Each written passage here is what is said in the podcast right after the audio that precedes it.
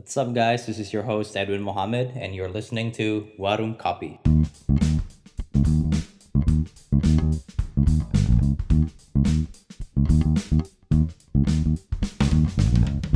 Hai semua, nama gue Cikita. Um, saat ini role gue sebagai Associate Product Manager for 3PP-nya di Kita Bisa. Dulu gue pernah jadi UX Writer di Kita Bisa juga. Gitu. Hai Ciki, apa kabar? Baik Mas Edwin, finally ketemu lagi. Finally ini udah lama banget gak ketemu. Iya benar. Gimana kabarnya nih? Baik-baik, Mas Edwin gimana nih? Baik juga, baik juga kabarnya. Ciki, gue mau intro dikit ya. Oke. Gue itu termasuk salah satu followers sejatinya kita bisa. Wow, thank you. And when I say this, I mean gue jatuh cinta sama ide bisnisnya. Mhm. Jadi ceritanya waktu kuliah gue suka ragu nih buat ngasih duit ke pengemis Mhm. di lampu merah atau di depan masjid ya, you know lah. Yes, yes. Terlebih kalau pengemis itu bocah-bocah yang lagi mabok. I see, oke. Kenapa? Karena kita nggak ada yang tahu kan duit itu bakal diapain sama mereka. Iya, betul. Mungkin ini kedengarannya mungkin judging banget ya. Mm. Dan sebenarnya kalau dari awal niat ya ikhlasin aja. Lo nggak Iya. perlu peduliin duit itu buat apa. I see. Bener. Cuma bukannya lebih baik kalau kita tahu juga ya purpose-nya dia itu buat apa. Betul. Karena gue personally rela sih ngasih duit yang lebih gede jumlahnya kalau gue tahu duit itu buat apa. Mm-mm. But that's my story. Setiap orang gue yakin punya cerita yang beda. Dan sejak gue tahu kita bisa, gue amazed sih. Sedekah, infak, donation lah jadi lebih purposeful dan jauh lebih menyenangkan, Mhm. lebih simple. Maka nggak heran juga kalau mereka berhasil menjadikan donating ini sebuah lifestyle. And when I say mereka itu termasuk lo. Ya. Anyway, let's not get carried away. Oke. Guys, tamu gue kali ini spesial. Jarang-jarang orang pindah dari UX ke bisnis atau ke product managing, management. UX designers pindah ke PM mungkin udah banyak. Mhm. Tapi writer yang kemudian pindah ke dunia PM itu baru langka. Langsung aja gue kenalin UX writer turn APM di Kita Bisa Cikita. Ceritain dong awal mulanya gimana nih sampai pindah dari UX writing ke dunia PM. Oke, jadi awal mulanya itu emang pertama kali di hire sama kita bisa tuh as UX writer Mhm. gitu kan. Terus habis itu em, bantuin UX designer kita untuk kasih apa sih semacam guidelines ya buat user biar lebih memahami produk kita yang gimana. Mhm. And then em, beralihnya itu mulai kapan ya? Mulai akhir 2018 tuh mas kalau nggak Oh. salah. Jadi Oke. em, aku tuh mulai pegang em, salah satu integration produknya kita bisa dan Gojek. Oke, Ah, em, kalau teman-teman sering lihat GoGive, go give. yes GoGive di situ UX writingku masih kepake banget tuh Mhm. karena aku mesti bikin copy untuk em, beberapa placement yang muncul di em, aplikasi Gojek saat Mhm. itu. And then semakin growing, nah di situ kan mulai butuh uh, teknologi integration, terus habis itu strategi integration, Mhm. terus habis itu apalagi ya analisis dan sebagainya. Ya. Nah mulai di situ aku di challenge sama saat, uh, Mas Fikra, Mhm. CPO kita bisa untuk Cikita kira-kira mau nggak nih jadi APM gitu-gitu kan. Terus kayak oh ya udah kenapa enggak gitu. Itu tahun 2018. Itu enggak itu 2019 pertengahan deh kalau nggak Oke. salah gitu. Mhm. Jadi sempat memang ada prosesnya tuh ada proses Mhm. transisinya di situ. Tapi sebelumnya lo udah familiar dengan dunia PM atau ini masih Hmm. masih blank banget nih Wah masih blank banget sih, masih ngablu banget, masih abu-abu. Apaan ya? Kayak bikin sprint itu kayak idealnya buat engineer gimana ya? Kayak komunikasi ke engineer, gue harus gimana ya? Terus habis itu kayak bikin PRD yang bagus itu, gue bahkan sampai sekarang tuh masih deg-degan mas tiap bikin PRD. What's Karena, PRD? uh, produk apa sih requirement Oke. gitu. Ya, jadi kayak misalnya sebelum dia melakukan sebuah sprint, kita kan pasti discuss dulu nih sama engineer-nya Yeah. gitu kan. Kayak misalnya kita kerjain produk A, kira-kira em, butuh waktu berapa lama, terus habis itu kira-kira bakal ada ininya enggak apa ada hambatannya atau enggak kayak Hmm. gitu gitu kan. Nah, pas memahami kayak oh kalau misalnya sebuah PRD itu ada ABC yang di harus dikerjakan engineer itu tuh gue deg-degan banget gitu bahkan sampai sekarang jadi gue masih Iya, tanya iya. sama engineer-nya juga kayak Mhm. Mas kira-kira gue udah bener gak ya bikinnya dan kalau misalnya memang ada yang menurut lo off banget please kasih tahu gue Iya, gitu iya, karena gue iya. masih belajar sampai sekarang gitu Itu tapi sama engineers aja kalau bikin PRD atau sama PM lainnya? Eh, kalau di kita bisa sih langsung sama engineer-nya karena Mhm. masing-masing PM udah punya squadnya gitu sih Mas Edwin Oke. Now, I'd love to ask more questions tentang role lo sekarang sebagai Mhm. PM. Tapi sebelum ke sana, gue mau mundurin mundurin dikit nih. Mhm. Ke zaman lo masih jadi UX writer. Oke. Ada berapa orang di tim writer saat itu Mhm. dan ngerjain apa aja? Oke, em, jadi em, waktu itu kalau ditanya UX writer-nya ada berapa di kita bisa cuma ada satu, yaitu saya. Em, cuma satu, terus habis itu apa lagi ya? Memang cuma ada satu waktu itu, jadi kayak conduct research-nya, terus habis itu nentuin guideline-nya, terus habis itu harus tektokan sama desainer, sama PM saat itu dan sama researcher itu juga ya udah me myself and I di merge jadi satu gitu Dan tipe-tipe project yang lo pegang saat itu apa aja, Cik? tipe project yang dipegang saat itu jadi kayak waktu itu aku pegangnya kalau nggak salah tuh kayak waktu buat galang dana Mhm. jadi kayak misalnya buat em, user kita tuh yang mau misalnya butuh bantuan medis gitu kan dan dia harus menggalang dana. Apa ya wordingnya itu kan masih belum terlalu user friendly lah mas waktu itu. Iya. jadi kita perlu buat cari cari tahu insight-nya buat user kayak gimana sih yang enak. Terus habis itu buat em, para orang baik kita di luar sana gitu kan. terus yang enak tuh wordingnya kayak gimana ya? gitu. Oke. karena kita punya dua tipe user yang berbeda gitu Lo reach out ke mereka langsung nih, ke usersnya berarti? Iya, waktu itu reach out dengan cara tap in ke UX researcher kita Hmm. gitu. Jadi setiap mereka mau research kayak gue selalu bilang kayak eh kalau lo mau research gue boleh nggak ikutan kalau Hmm. waktu mau lo mau UT gue boleh nggak sih ikutan gitu gitu jadi biar apa ya kebayang kayak oh user kita tuh kayak gini loh Iya, iya, gitu. iya. Dan tipe-tipe research apa lagi yang pernah lo lakuin nih buat ningkatin user friendliness kopinya? Oke, jadi waktu itu pertama kali gue nge-UT bareng eh, UX researcher kita, tim Hmm. research kita. Terus habis itu setelah itu kayaknya oh kalau UT kan sebenarnya lebih kayak ke functionality dari sebuah fitur atau Iya. produknya. Setelah itu wah kayaknya em, nggak cukup nih kayak gini doang. Akhirnya waktu itu gue kumpul sama teman-teman desainer sama teman-teman konten juga kita kayak eh gimana nih? Kayaknya um, writingnya kita bisa masih belum seragam banget gitu. Oke. terus habis itu kita kayaknya masih kurang nih personalitinya makanya waktu kita kumpul terus kita tentuin oh kalau nggak kita akhirnya tentuin untuk bikin FGD waktu itu. Jadi kita kirim survei dulu misalnya di survei itu kayak oh yaudah mereka mau datang di mau datang ke kita bisa atau mau ketemu sama kita Eh, ya udah kita kirim aja invitation dan alhamdulillah banget orang baik di luar sana tuh banyak banget dan kayak Yang gimana ya iya selama perjalanan karir gue gitu Oke. kan dari dulu sampai sekarang cuma di kita bisa loh kayak user-usernya tuh dengan sangat sigap dan mau datang ke sini untuk Mhm. membagikan cerita mereka tuh luar biasa banget sih Wow. iya Dan itu berarti users users yang udah pernah pakai kita bisa dong. iya users yang pernah pakai kita bisa Mhm. Dan lo sebagai UX writer saat only itu iya megang produk aja atau Mhm. termasuk marketing juga? Eh, waktu itu cuma produk aja Produk aja. Oke. hmm, marketing udah ada timnya juga waktu itu. Seberapa di-include kah dalam product development? Seberapa di-include kah? Sangat di-include banget Hmm. karena waktu itu kan tim research kita tuh juga kayak butuh kayak eh ini gue wordingnya kira-kira udah sesuai belum ya kayak Hmm. gitu-gitu kan. Jadi gue sangat di-involve banget sih mas dari proses itu terus habis itu waktu research gue juga ikutan Hmm. terus habis itu ketika waktu itu misalnya menentukan oh pakai desain A atau desain B nih Iya. gue di-include terus habis itu Ah, desainer selalu minta feedback gue juga jadi Oke.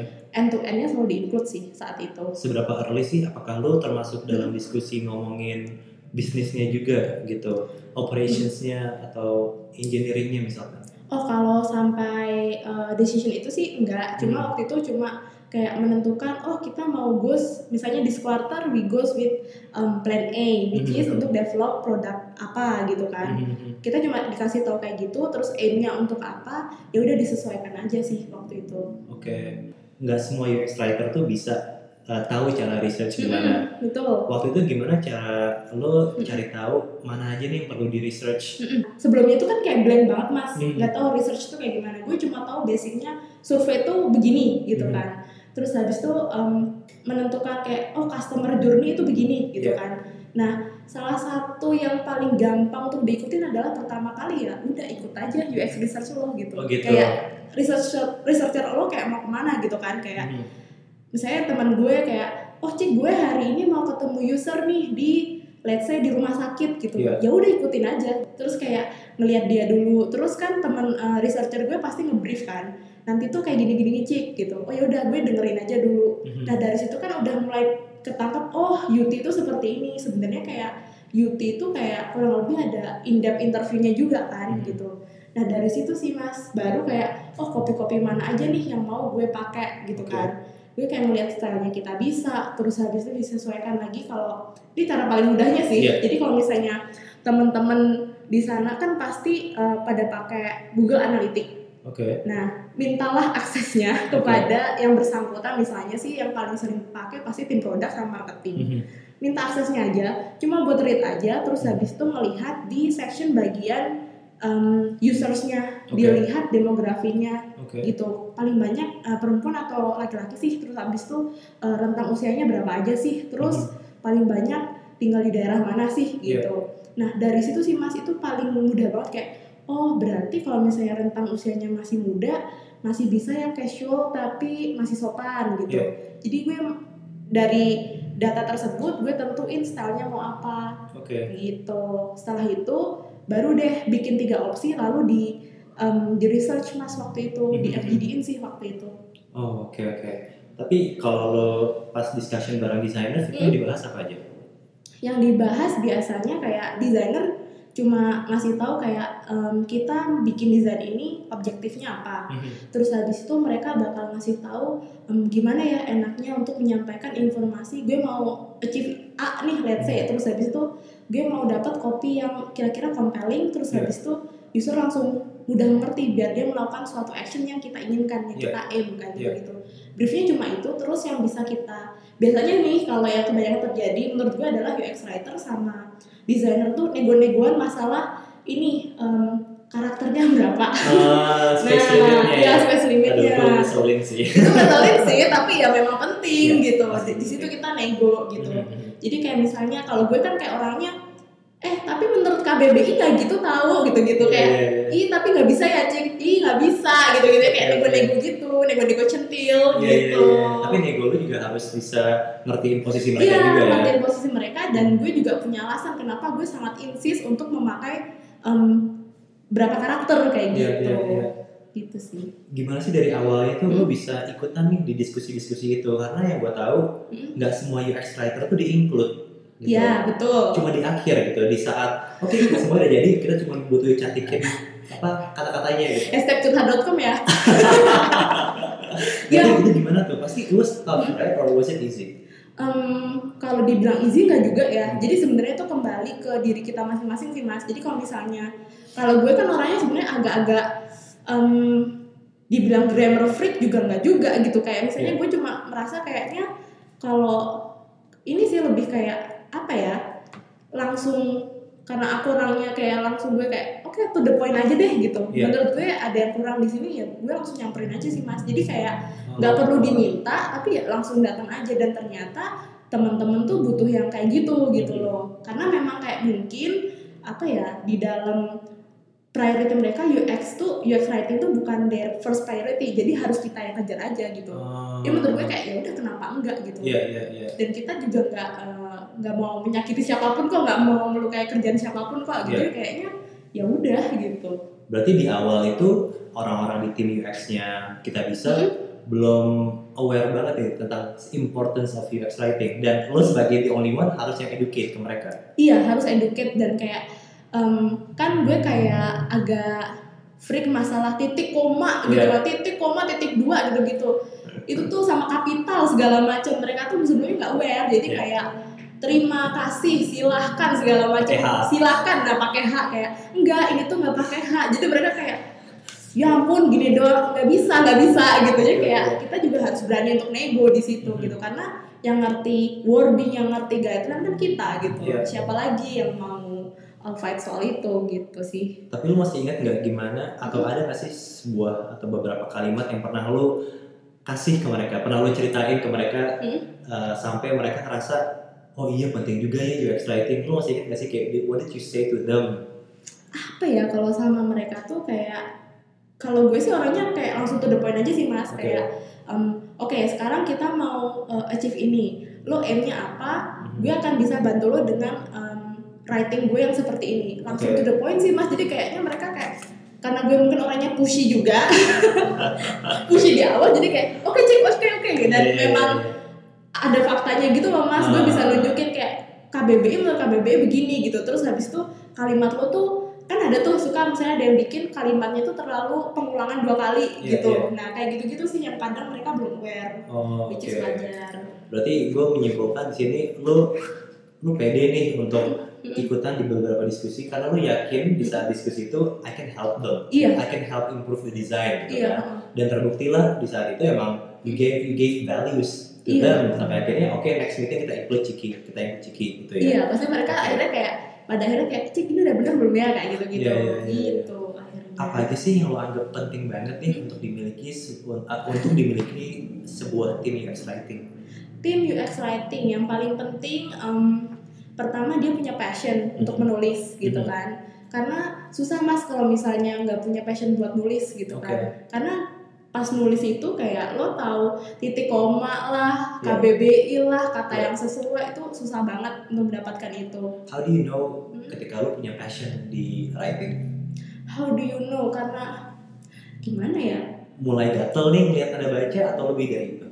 Em, kayaknya waktu kecil gue gue tuh pernah kayak oke gue kayaknya mau jadi penulis deh tapi kayak Ah, asal ngucap aja terus sering Iya, bikin iya, iya. cerpen Oke. iya kayak gitu karena pengen kayak oh gue pengen deh kayaknya cerpen gue dimu- dimuat di bobo waktu itu as simple as that gitu masuk itu. iya cita-cita kecil itu gitu kan terus habis itu turns out eh gue masuk marketing di mana gue di situ kayak dikasih kesempatan untuk bisa nulis blog Oke. corporate blog kayak gitu-gitu jadi Di sini atau di bukan mana? waktu itu gue di Quipler Oke. Nah itu dikasih sama mentor gue udah nggak apa-apa kalau lo mau nulis nggak apa-apa silahkan gitu. Oke. Dan itu gue happy banget. Ah, Gitu. Terus, Megang sosmed juga kan sebenarnya kan kurang lebih kayak melatih juga kan, Iya. bikin kalimat lah segala macem. Dan waktu itu emang mentor gue emang cukup strict tuh, Iya. orangnya super KBBI gitu kan. dia writer Iya. berarti ya. Dia writer Oke. dan dia dia pernah jadi editor Mhm. novel gitu. Mhm. Dia bener-bener strict banget. Dari situ sih gue belajar kayak oh iya ya titik koma penting banget gitu. Oh, Oke. Dan apalagi yang terlebih dari ketika lo nulis lo merasa happy, ya dari situ lalu tahu oke I think I can be a writer. I want to be a Iya, writer. iya betul sekali. Oke. um, ngomongin tentang hal-hal yang penting Mm-mm. buat sebuah tim UX writing, Mm-mm.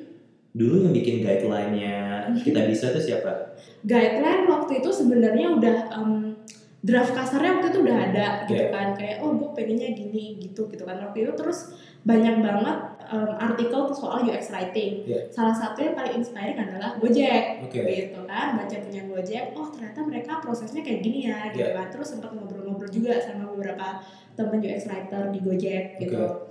Terus abis itu kita ngobrol kita riset terus kita finalize dengan si si guideline itu mas. Oke. gitu sih waktu itu. Ya kayak gitu. Boleh ceritain gak nih isi guideline itu apa sih? Kasarnya aja ya overallnya?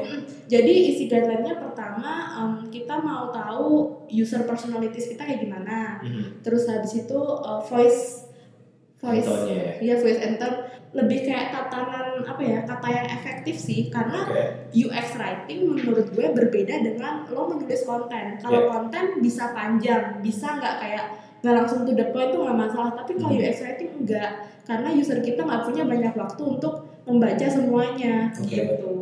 Em, ini sih mas nentuin voice and tone-nya itu Oke. karena kita kan ada dua user yang completely berbeda. Mhm. Personalities-nya per- pertama ada donor, Mhm. para orang baik di sana, kedua ada penggalang dana Mhm. yang sangat membutuhkan dana. Iya. Nah itu kayak gue kayak bingung kayak ini mau gue jadiin sesimpel lah kayak panggilan kamu atau anda ya gitu. Oke.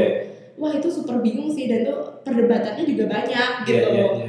Bahkan kayak nanya beberapa mentor juga ini enaknya gimana ya Pokoknya waktu Oke. itu iya kita tanya sama Mas Edwin pokoknya gimana ya Mas gitu gitu Oke, oke. Kan ada dua nih ya usernya, penggalang dana sama donor. Ya. Dan gue berasumsi bahwa penggalang dana itu lebih sensitif dibandingin donor. betul Karena mereka yang butuh bantuan. betul Dan ketika lu salah ngomong tuh pasti mereka udah lebih sensitif lah dibanding donor yang Iya. bisa dibilang problemsnya lebih sedikit gitu. Mm-mm, betul Gimana cara lu milih kata-kata yang pas ya buat emosi emosinya mereka? Gimana caranya memilih kata-kata yang pertama harus ketemu penggalang dananya Oke. gitu karena sebelum kayak apa ya untuk mem- memahami usernya sih mas kayak Hmm. misalnya gue awalnya nggak kebayang sebelum ketemu kayak benar-benar yang mereka di rumah sakit Iya. atau misalnya mereka di rumah dengan anaknya yang eh, maaf kayak infusnya di mana di Iya. mana-mana gitu Iya. gitu kan wah itu kayak oh iya ternyata emang kayak kita harus super careful nih dan Iya. menentukan kalau misalnya oke ini mereka um, in needs terus habis itu mereka butuhnya butuh suatu apa ya produk yang cepat Iya. tapi dimengerti juga Mhm. berarti kan kita nggak bisa terlalu casual juga Iya, kayak iya. berarti kita harus tetap menjaga kesantunan itu gitu kan biar Iya. mereka juga tetap nyaman menggunakan layanan kita bisa gitu Mhm. untuk menggalang dana Santun itu kata kuncinya ya. santun adalah kata kuncinya di kita bisa Berarti lu ketemu langsung dong nih sama orang-orang yang sering muncul di foto-fotonya kita bisa. iya bener Anak banget kecil yang bener ken- kena tumor lah atau Mm. ada yang kena kanker Mm. apalah itu lu temuin langsung. gue temuin dan Mhm. gue ada beberapa pengalaman unik sih Mhm. Yang pertama waktu itu gue sempat ketemu sama penggalang dana di Jogja. Oke.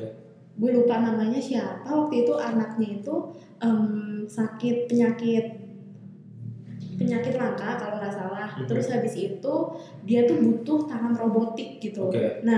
Sementara orang tuanya menggalang dana, tangan robotiknya lagi dibikin sama tim sebuah universitas saat itu. Nah waktu itu em, beberapa bulan kemudian ternyata anaknya nggak ada. Padahal tuh orang tuanya udah kayak apa ya, udah excited banget mau bikin sebuah kayak workshop atau gathering untuk kasih undangan ke para donaturnya. Itu super Oke. sedih banget sih. Nah yang kedua waktu itu sempat bikin kopi untuk naik ke GoGive. Mhm. Nah, em, kita udah kayak bikin desainnya udah wah ini ini oke nih gitu desainnya dengan kopinya juga menurut gue udah oh, udah compelling nih. Tapi teman-teman apa kita nyebutnya teman-teman happiness agent Mhm. itu ngabarin kalau kak em, ternyata beneficiary ini atau penerima manfaat ini ternyata udah nggak ada. Itu super kayak nyes banget kayak ya gitu. Gila, gue dengernya juga Wah, is, ya nggak tahu ya, gue belum kebayang banget Tapi Iya. dengerin aja gue udah ngerasa kasihan sih gue sedih sih sedih, Sedih, ya. banget gitu Iya. ya padahal kan kita mau nolong dia untuk Mhm. buat dapat em, dana yang untuk uh, dioperasi Iya, atau iya, apa iya. gitu Tapi setiap story yang di yang ada di masing-masing penggalang dana Mhm. itu Itu lo juga buat waktu itu kalau story enggak jadi ada timnya sendiri mas waktu itu Tapi ada yang kurasiin apa ada yang kurasi gitu Oke.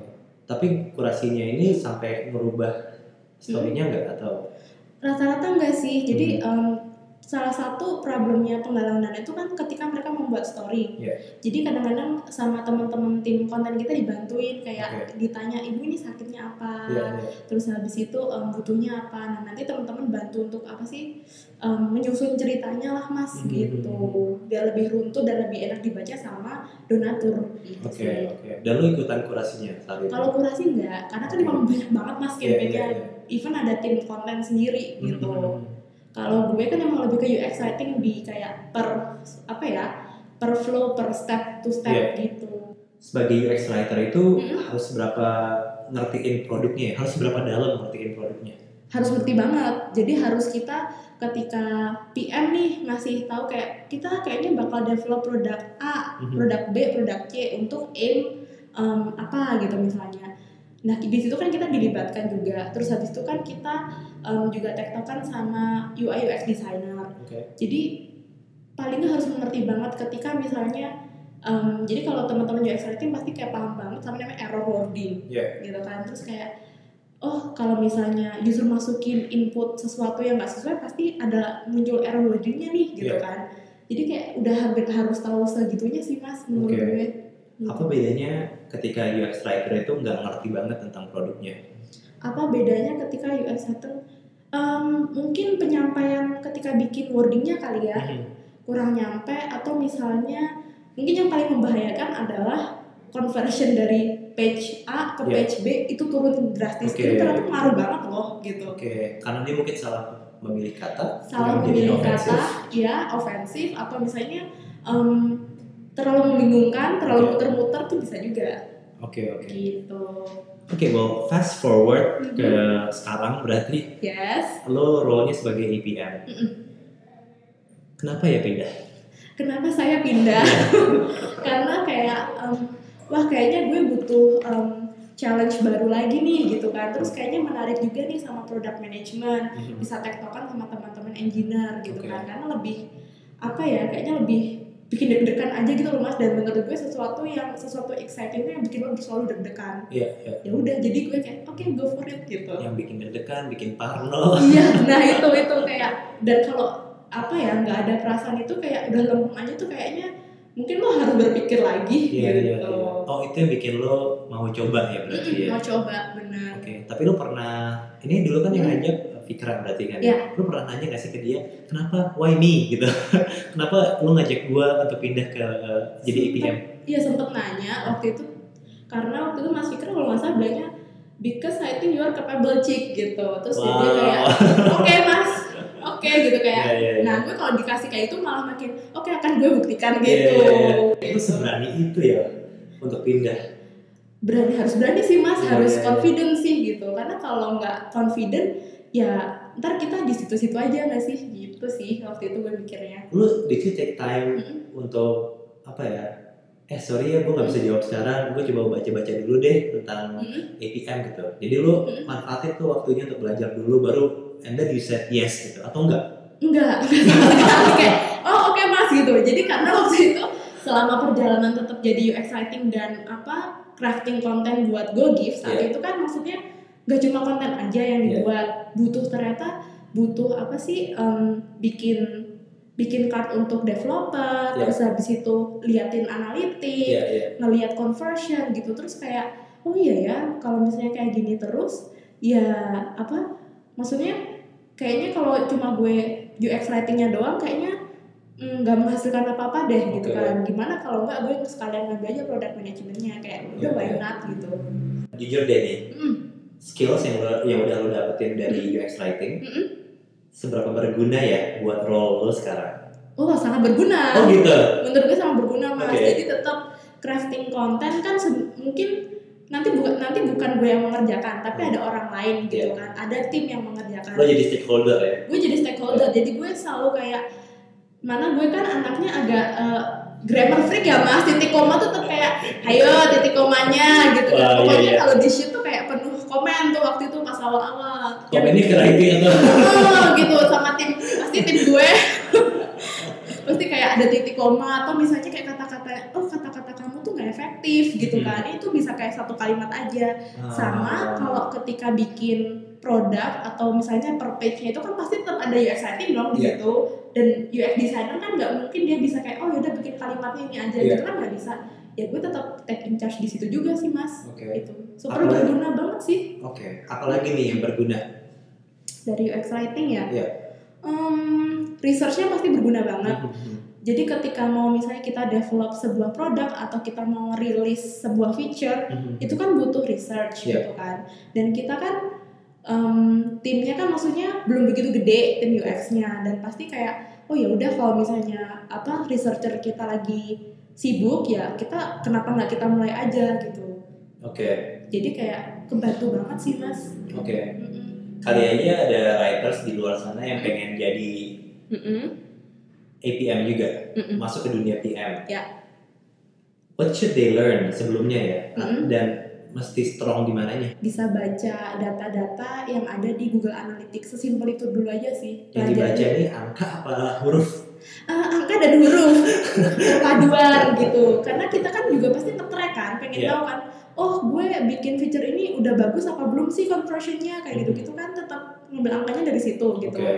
dan ada course-nya kok guys jadi kayak Oh, course tentang Google Analytics yang beginner tuh ada Mhm. di provide sama Google itu dulu sih mas analytical thinking iya terus yang kedua manajemen sih Mhm. jadi kan ketika jadi produk seorang product manager atau IPM itu kan kita harus pinter manage juga kan kayak misalnya oh kita butuh stakeholdernya engineer kita Yeah. butuh stakeholdernya product marketing kita Oke. butuh stakeholdernya data segala Yeah. macam nah dengan banyak tim dan banyak orang di situ kalau misalnya kita manajemennya chaos ya akan chaos gitu jadi emang harus pinter ya banyak-banyakin bikin sheet lah untuk Mhm. koordinasi untuk apa ya bikin alignment, bikin cadence jadi biar semua stakeholder tuh well informed gitu karena kalau misalnya stakeholder kita nggak well informed berarti nggak salahnya PM di situ Iya.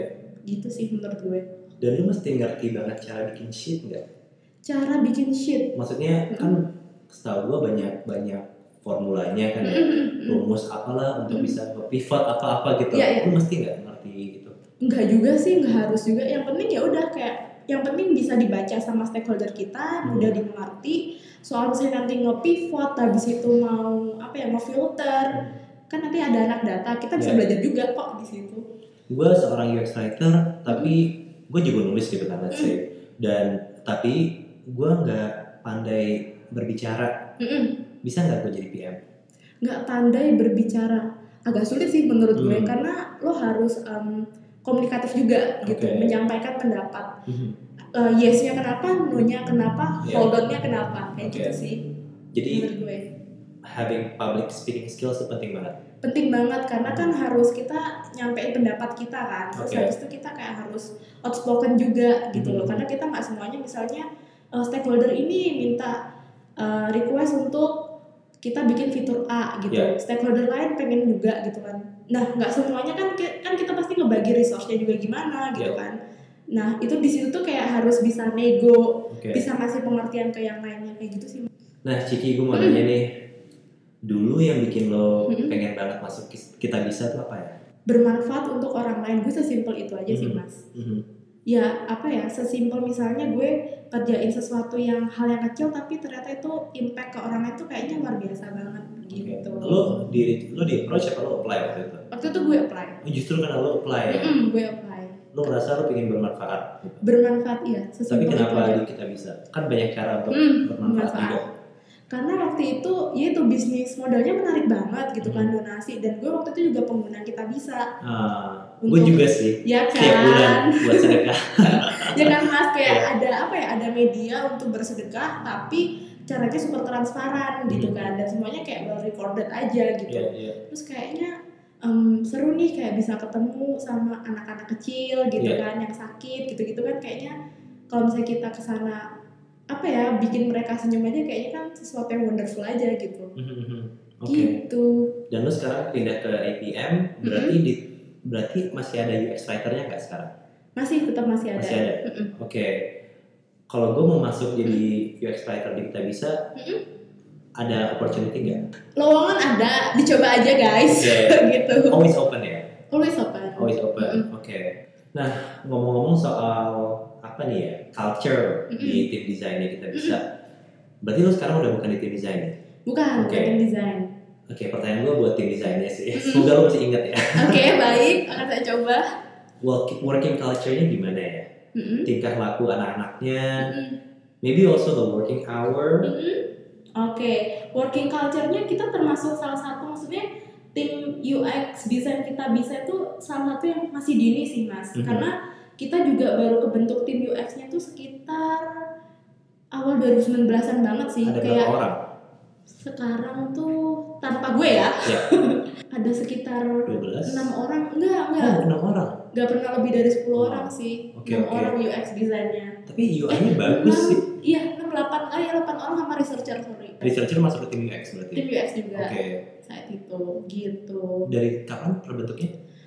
Awal 2019 deh kalau nggak Awal salah. 2019. So, setelah lebaran ya kalau nggak salah sih.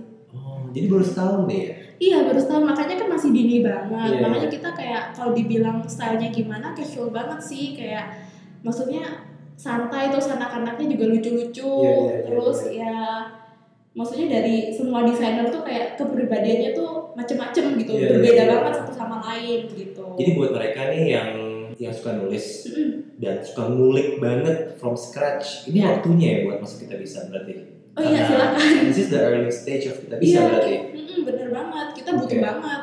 Anyway, Oke, lu masuk dari jam berapa dan pulang jam berapa? kalau jam masuknya sebenarnya fleksibel sih, yang penting 8 jam. Yang penting 8 jam. Iya. Ada clock in clock outnya, Em, nggak ada sih, nggak ada absensinya ya. nggak ada nggak ada absensinya. Kita Ini cara ngukur 8 jam gimana nih? yang gue lihat kebanyakan yang kerja di kita bisa tuh kita tuh kayaknya em, fun-fun aja sih kerja kayak Hmm. misalnya udah kelebihan 8 jam ya masih ada aja yang Iya, stay iya, di iya. sini gitu kayaknya Oke. ya mungkin karena kita having fun yang pertama Mhm. kedua em, maksudnya teman-temannya juga nyambung satu sama lain kayak ketiga udah kayak keluarga gitu Mhm. bahkan ada yang nginep juga kok gitu Oh bahkan ada yang nginep. iya Ada tempat tidurnya gitu. ada ada tempat tidurnya Wow. Ya no wonder sih within a year UI-nya pun juga bagus gitu. Nah sekarang kan oke gue udah tahu flexibility-nya ya. Mm-mm. Yang apa, dukanya lah apa? dukanya Everything has suka dan duka kan? Iya betul. Dukanya apa ya? Ya namanya startup pasti kan ada sesuatu yang berubah secara cepat gitu-gitu Hmm. kan. Dan misalnya kita udah develop, ah nih udah sampai misalnya tahapan udah tinggal rilis deh pokoknya Hmm. gitu tiba-tiba kayaknya oh kayaknya belum waktunya untuk dirilis, Iya. dimundur. Kadang-kadang itu kan bikin kita down kan. Mhm. Menurut gue Ah. wajar sih itu yang pertama. Terus yang kedua ya itu mas kalau misalnya kita ketemu penggalang dana terus penggalang eh apa beneficiary penerima manfaatnya nggak ada itu bikin sedih juga salah satu dukanya gitu Oke. Ciki, thank you banget nih udah nyempetin waktunya. Gak bisa lama-lama karena udah malam juga kan ya. iya thank you for coming All the best buat tim UX-nya di Kita Bisa. Dan Yeay, terima kasih all the best buat karir lo di role yang terima kasih bisa dibilang baru nih ya berarti ya. Iya, baru. Ya. Oke, I am your host Edwin Muhammad and this is my guest. Cikita Thank you for joining us the Warung Kopi. Bye. bye Thanks for tuning in to Warung Copy. Don't forget to follow us on Instagram at warung.copy. I'll see you again next time.